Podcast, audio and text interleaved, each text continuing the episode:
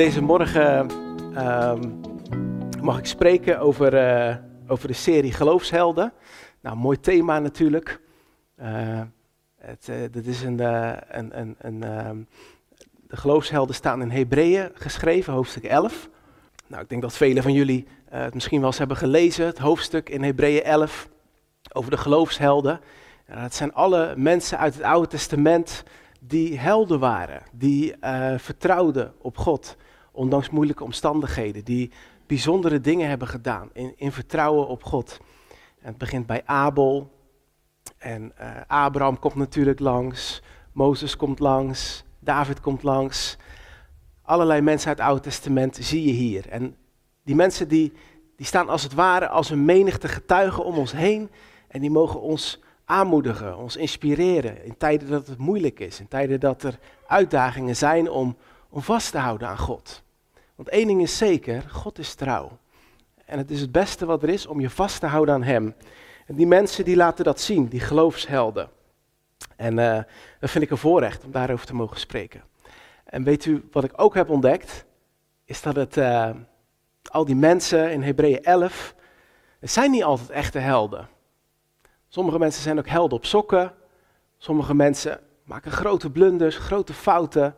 En eigenlijk is dat best wel een goede boodschap. Eigenlijk best een mooie boodschap, toch? Dat, dat die geloofshelden geen volmaakte mensen waren.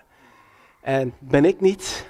ja, ik weet niet veel over jou of over u, maar u of jij bent dat ook niet. Dat weet ik wel.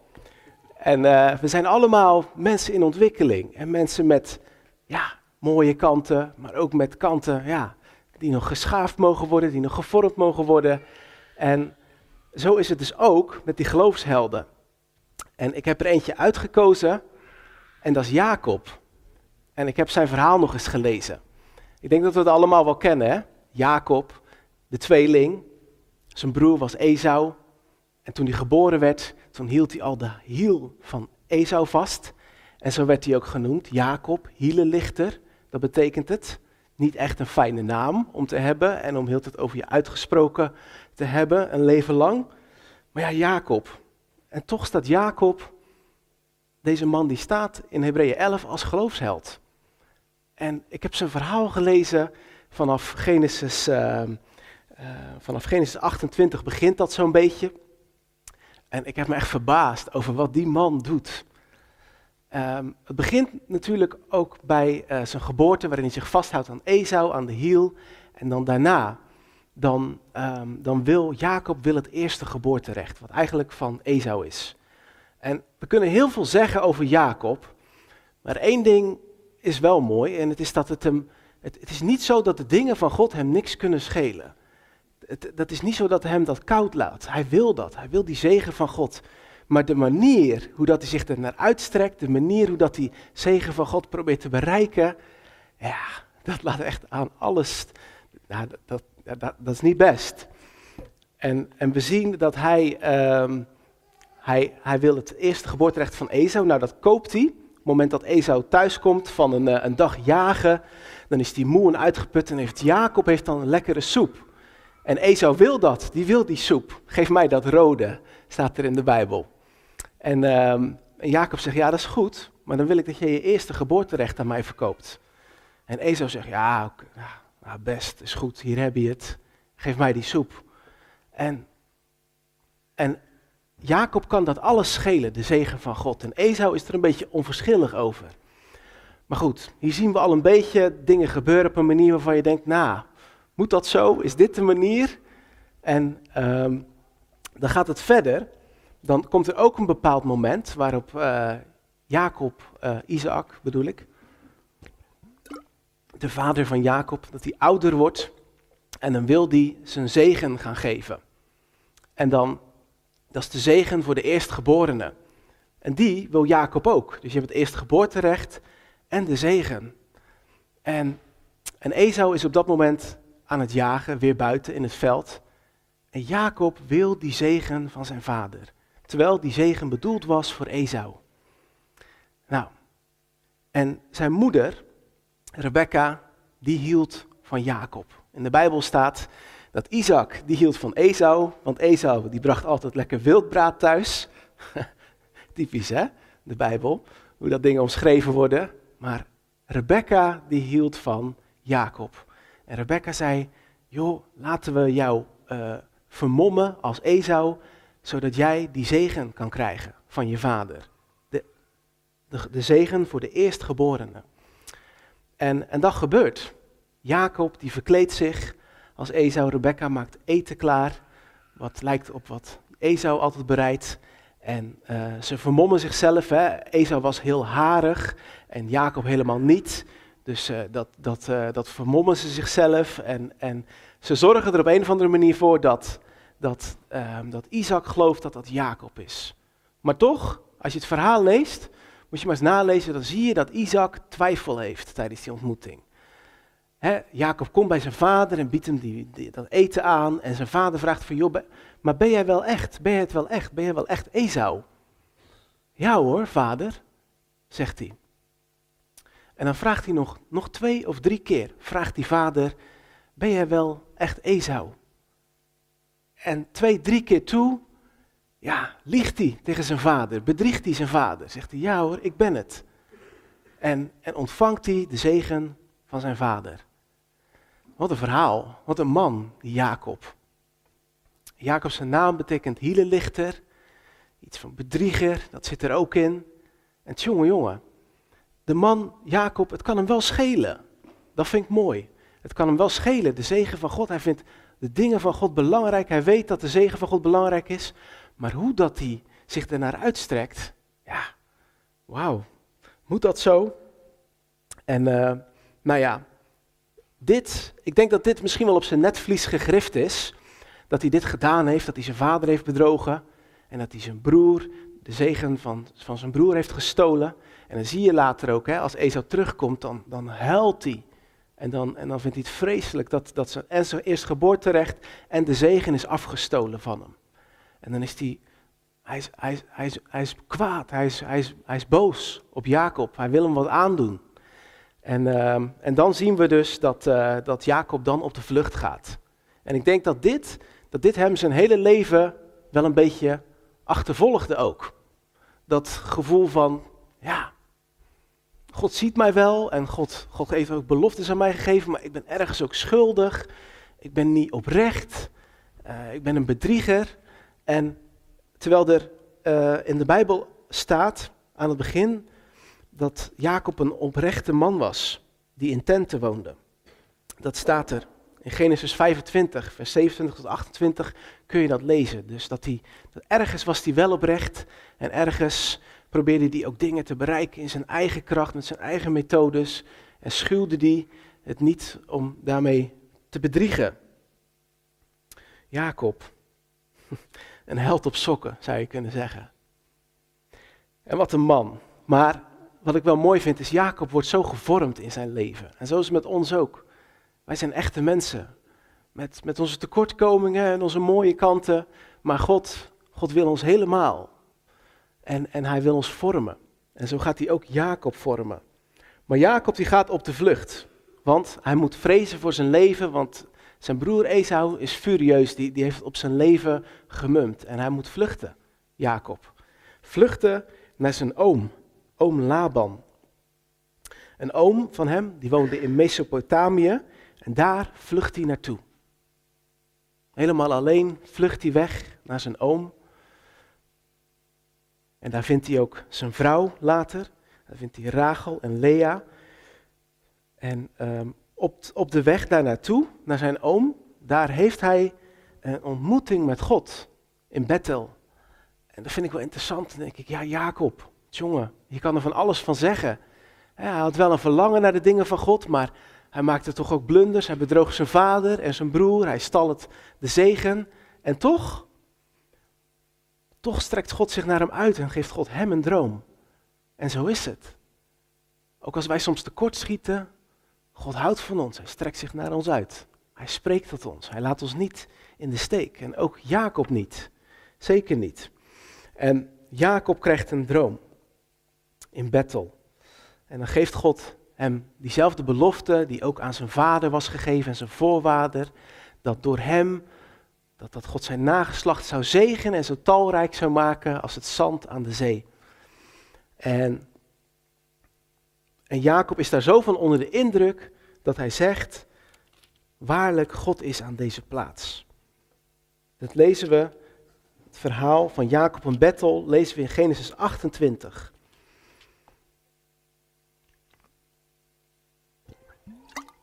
En hier zien we onder andere iets tevoorschijn komen waarvan ik denk, ja, dit laat ook wel zien dat ook Jacob bij de Hall of Fate, zo staat het in Engels, in de Hall of Fate, dat zijn de geloofshelden, dat hij er ook bij hoort. Want Jacob, er is van alles over hem te zeggen, heb ik ook net gedaan, maar Jacob had ook wel het hart van een aanbidder. Jacob hield van God en van de dingen van God. Er staat namelijk in Genesis 28, vers 17 tot 18, dan heeft hij die droom gehad en dan staat er, daarom was hij bevreesd en zei hij, hoe ontzagwekkend is deze plaats, Bethel. Dit is niets anders dan het huis van God en de poort van de hemel. Daarna stond Jacob morgens vroeg op. Hij nam de steen waar hij zijn hoofdkussen van gemaakt had. In die tijd sliepen ze op stenen. Zette die overeind als een gedenkteken en goot er olie op. Dus hier zie je, hè?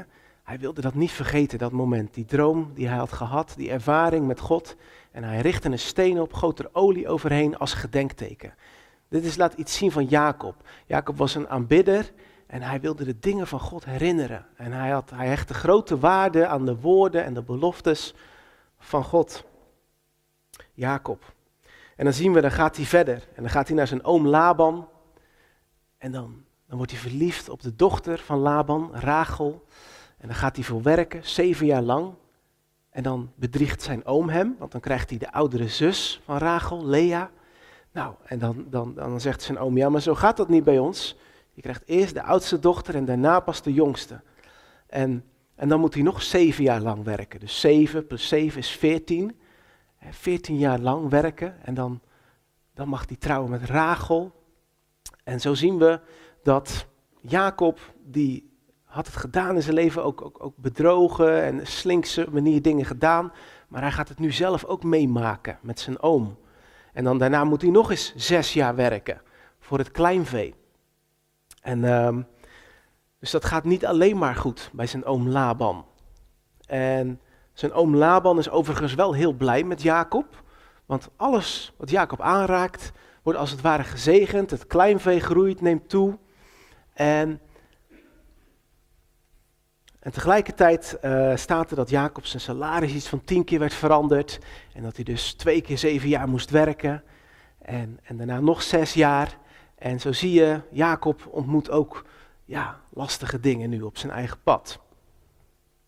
En dan gebeurt er nog iets. Dan denkt Jacob op een gegeven moment, denkt, ja, nou ben ik al twintig jaar lang aan het werken voor mijn oom, voor Laban. En uh, ja, zijn bezittingen nemen toe, maar ikzelf, wat is nou voor mij? En dan gaat hij overleggen met Laban en dan zegt hij, joh, ik wil eigenlijk ook een deel van de kudde, dat dat voor mij is. En dan zegt hij tegen zijn oom, van joh, geef mij dan uh, het vee wat gespikkeld is of wat gestreept is. Geef dat dan aan mij. En het vee wat gaaf is, wat volmaakt is, dat, wat, wat geen spikkels en dergelijke heeft, dat is voor Laban. En dan zie je dat hij op een of andere manier, dan, dan verzint hij ook iets. Moet je maar eens nalezen, dan verzint hij ook iets waardoor dat er heel veel kleinvee wordt geboren wat gespikkeld en gestreept is. En het vermogen van Jacob neemt toe. Bijna al het vee wat, wat komt en wat sterk is, dat is gespikkeld en gestreept. En zo verrijkt hij zichzelf, als het ware. En ja, aan de ene kant, ja, het gebeurt, het wordt geboren, zo gespikkeld en gestreept. Aan de andere kant doet hij dat ook weer op een manier waarvan je denkt, ja, jongen. En, en Laban vindt dat ook lastig, dat, dat, dat het, ja, het bezit van Jacob zo toeneemt. En uh, op een bepaald moment dan, uh, dan gaat Jacob, als het niet goed gaat tussen hem en zijn oom Laban, gaat hij ook op de vlucht. Dus dan zien we ook weer dat thema van vluchten en angst terugkomen. Dat is toch ook een beetje verweven geraakt in het leven van Jacob. Op de vlucht zijn, angstig zijn, dat soort dingen. En hij vlucht voor zijn oom Laban. Samen met zijn twee vrouwen en al hun kinderen en alle bezittingen gaat hij van de een op de andere dag ineens weg bij zijn oom Laban. Hij gaat op de vlucht. En ehm, dat, is niet, dat is niet hoe we het moeten doen in het leven. Het is niet goed om op de vlucht te gaan, maar soms ja, is het makkelijker om uitdagingen uit de weg te gaan en op de vlucht te gaan. En dat zie ik een beetje bij Jacob. En hij gaat hier op de vlucht. En het is niet alleen dat hij op de vlucht gaat, maar God had ook gesproken tot hem. Hij had twintig jaar lang nu voor zijn oom gewerkt, bij zijn oom. Maar op een gegeven moment, de laatste tijd, begon God tot hem te spreken. En begon, begon God tegen hem te zeggen, keer terug naar het land van je vaderen en naar uw familiekring. En ik zal met u zijn. Dat zegt, God, dat zegt God tegen hem in Genesis 31, vers 3. Dus dat is ook de reden waarom hij terugging. Terug naar zijn familiekring, terug naar zijn vader, naar zijn broer. En het mooie is wel dat hij daarin dus wel gehoorzaamt. Maar hoe dat hij vertrekt bij Laban is dat hij op de vlucht gaat. En dan later dan achtervolgt Laban hem. En dan hebben ze een, een woordenwisseling en uiteindelijk sluiten ze een verbond met elkaar. En mag Jacob gaan, mag hij teruggaan. Maar dan, dan Jacob, die ja, dingen in eigen kracht heeft gedaan, rondloopt met, met angsten, met schuldgevoelens, uh, ja, ook, ook mensen heeft bedrogen en dergelijke, en tegelijkertijd ook wel een man van God is, die man, die wordt door God geroepen om misschien wel zijn eigen grootste angst onder ogen te zien. En die angst is om zijn broer Esau onder ogen te gaan zien. En dat is wat God langzaam maar zeker begint te spreken. Hij begint hem te roepen om terug te gaan naar zijn familiekring en onder ogen te zien, ja, misschien wel de grootste worsteling waar hij mee rondloopt. En Jacob moet dus terug en moet zijn broer onder ogen zien. En misschien is hij wel doodsbang voor zijn broer. Misschien denkt hij van als hij, als me ziet, dan maakt hij me af. Samen met al mijn kinderen en mijn gezin. En één ding is zeker, Jacob vreest daarvoor. En dan zie je dat hij, als, als, je, als je leest hoe dat hij naar zijn, uh, naar zijn broer toe gaat, hoe dat hij vertrekt, dan gaat hij allerlei dingen uh, voor zich uitsturen om Esau te pleasen, om Esau tevreden te stellen, om Esau uh, gunstig te stemmen. Dus hij stuurt ladingen en ladingen vee eerst voor hem uit. Ik weet niet wat ze in die tijd allemaal hadden, kamelen, koeien, geiten. Hij stuurt ladingen vee voor hem uit.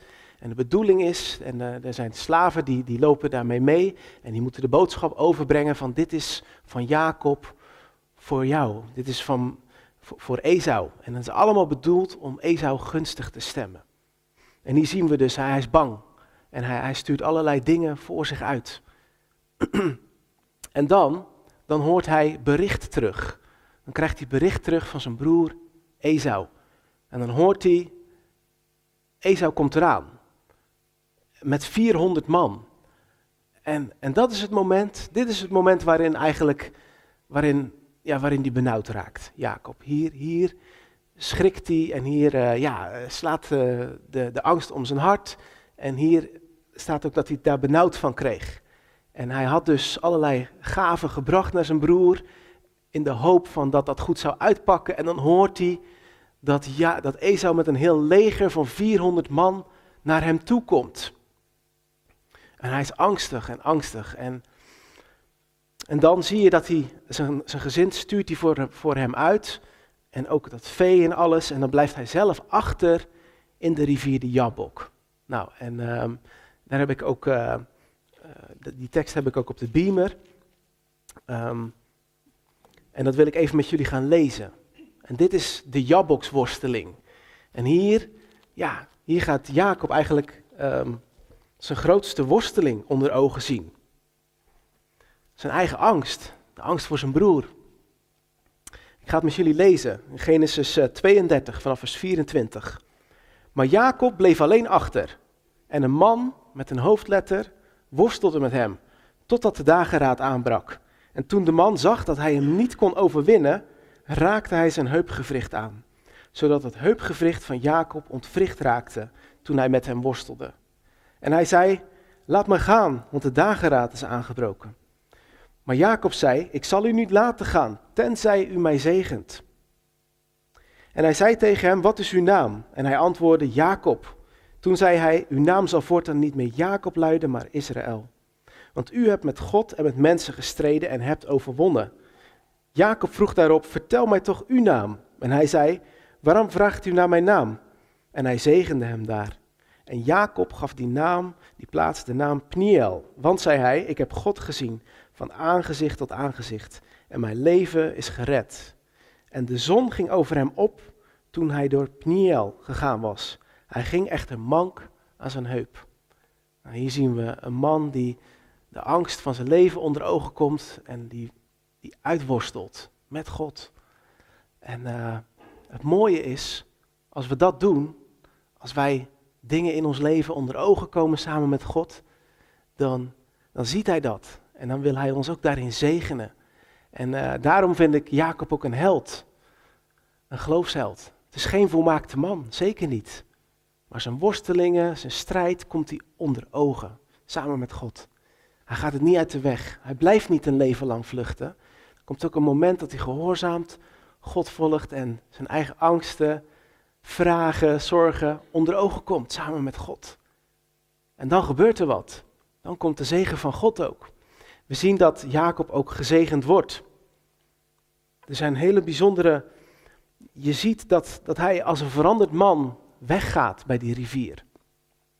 Daar waar we eerst heel veel angst lijken te lezen in het verhaal, zien we dat na die worsteling met God, zien we dat hij, hij anders dingen aanpakt.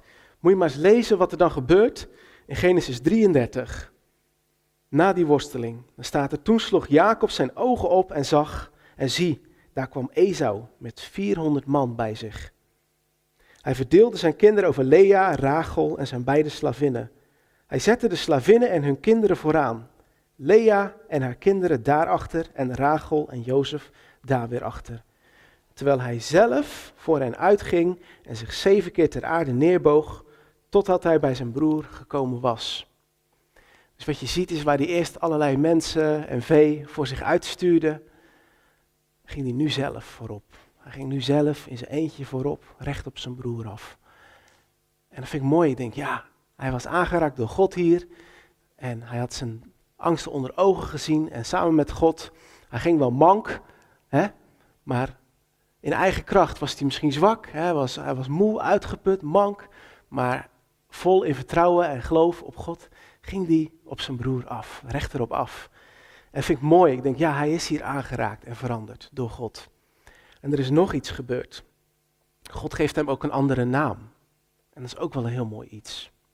Jacob had een leven lang rondgelopen met de naam Jacob. Wat betekent hielenlichter, bedrieger, iemand die strikken spant. Fijne naam, hè? Jacob. En, uh, en op hem had dat ook echt een invloed. Dat was als het ware ook een beetje door zijn leven heen verweven. En dan zien we hier dat God hem zegt van niet langer heet je Jacob, maar Israël. Ik kijk anders naar jou. Israël betekent God regeert. En, en dat is mooi. Hè? Wat, wat, is, wat is als het ware een naam die wij misschien wel bij ons dragen? Kan misschien bepaalde angsten zijn, of minderwaardigheid, of schuld, of, wat dan ook. Dat zijn dingen die wij met ons meedragen en waar God over wil spreken een andere identiteit over wil uitspreken. Nou, dat is hier gebeurd in het verhaal met Jacob. Niet langer Jacob, maar Israël gaat hij heten. En uh, hij worstelt met God. En dat vind ik mooi. Daar, daarom vind ik hem een geloofsheld, omdat hij zijn worstelingen aangaat.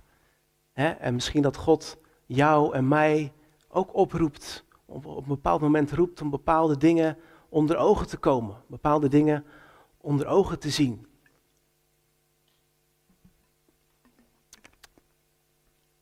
En het is toch een beetje een afscheidsspeech, dus ik wil ook een beetje persoonlijk zijn. Uh, in mijn leven heb ik soms wel eens wat last van angst voor afwijzing. En dat is uh, ontstaan door dingen die gebeurd zijn. En dat is iets waarin de afgelopen jaren ik ook heb ervaren dat God wil dat ik dat onder ogen ziet. Misschien wel een beetje mijn worsteling, de worsteling van mijn hart.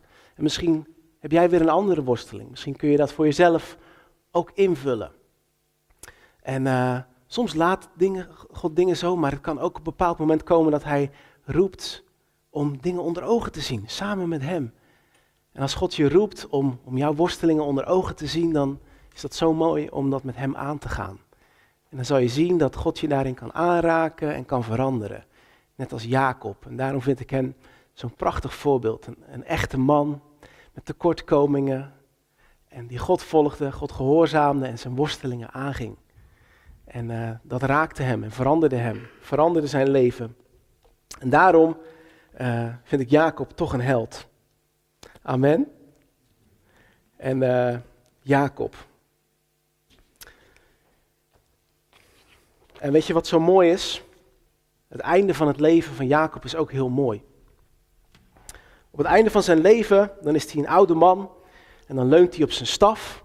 En dan is hij ook uh, blind volgens mij en dan zegent hij de twee zonen van Jozef. Manasse en Ephraim zegent hij dan. En dan, uh, en dan kan ik me voorstellen dat hij zo op zijn staf leunt. Die staf die hij heel zijn reis bij zich had gehad. Staat in de Bijbel dat toen hij de rivier overstak, had hij ook die staf al. En misschien dacht hij terug aan zijn leven, wat ja, ook tekortkoming en beperking had gehad, maar dat God trouw was geweest, ondanks alles. En we lezen hier zo in Hebreeën 11, vers 13 dat hij nog vol geloof was aan het einde van zijn leven. En dat vind ik bijzonder. Mensen die al lang meelopen en nog steeds vol zijn van God. En vol van het geloof. En ook Jacob was dat. En had gezien dat God hem had geholpen in zijn worstelingen. En dat God hem had gevormd. En dat God trouw was geweest. Alle dagen van zijn leven. En uh, dat is zo mooi. Dat, dat spreekt Jacob ook. En er staat. Deze allen zijn in het geloof gestorven, Hebreeën 11, vers 13. Zij hebben de vervulling van de belofte niet gekregen. Oh, wacht even voor, foutje. Dus Hebreeën 11, vers 21. Door het geloof heeft Jacob bij zijn sterven ieder van de zonen van Jozef gezegend. En hij boog zich in aanbidding neer, terwijl hij leunde op het uiteinde van zijn staf. Dus hier zien we een man, Jacob, terugkijkend op zijn leven, wetende, ik ben niet volmaakt geweest, maar God is trouw, God is genade, God is goed. En hij heeft mij geholpen, ook in de worstelingen die ik gehad heb.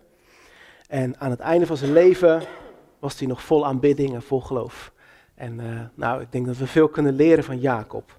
En als we ja, gaan aanbidden, God gaan, uh, gaan aanbidden, wil ik je ook vragen om eens even ja, tijd uh, te nemen om hierover na te denken. En jezelf eens af te vragen, wat is de worsteling van mijn hart? Waar zou ik mee naar God willen gaan? En vertrouw erop dat God iets prachtigs dan gaat doen. Als je oprecht komt met de worsteling van je hart naar Hem, dan doet Hij iets moois. En dan verandert Hij ons en dan raakt Hij ons aan. En ook kun je misschien terugkijken op de trouwende goedheid van God, net als Jacob. En uh, ja, laten we dat doen. Zullen we gaan staan? En uh, ja, ik wil ook, uh, ik wil ook vragen om na te denken dat jij misschien iets hebt, misschien een zorg, een vraag of een angst, iets waar jij mee worstelt. Weet dat je het vandaag in de handen van God mag leggen.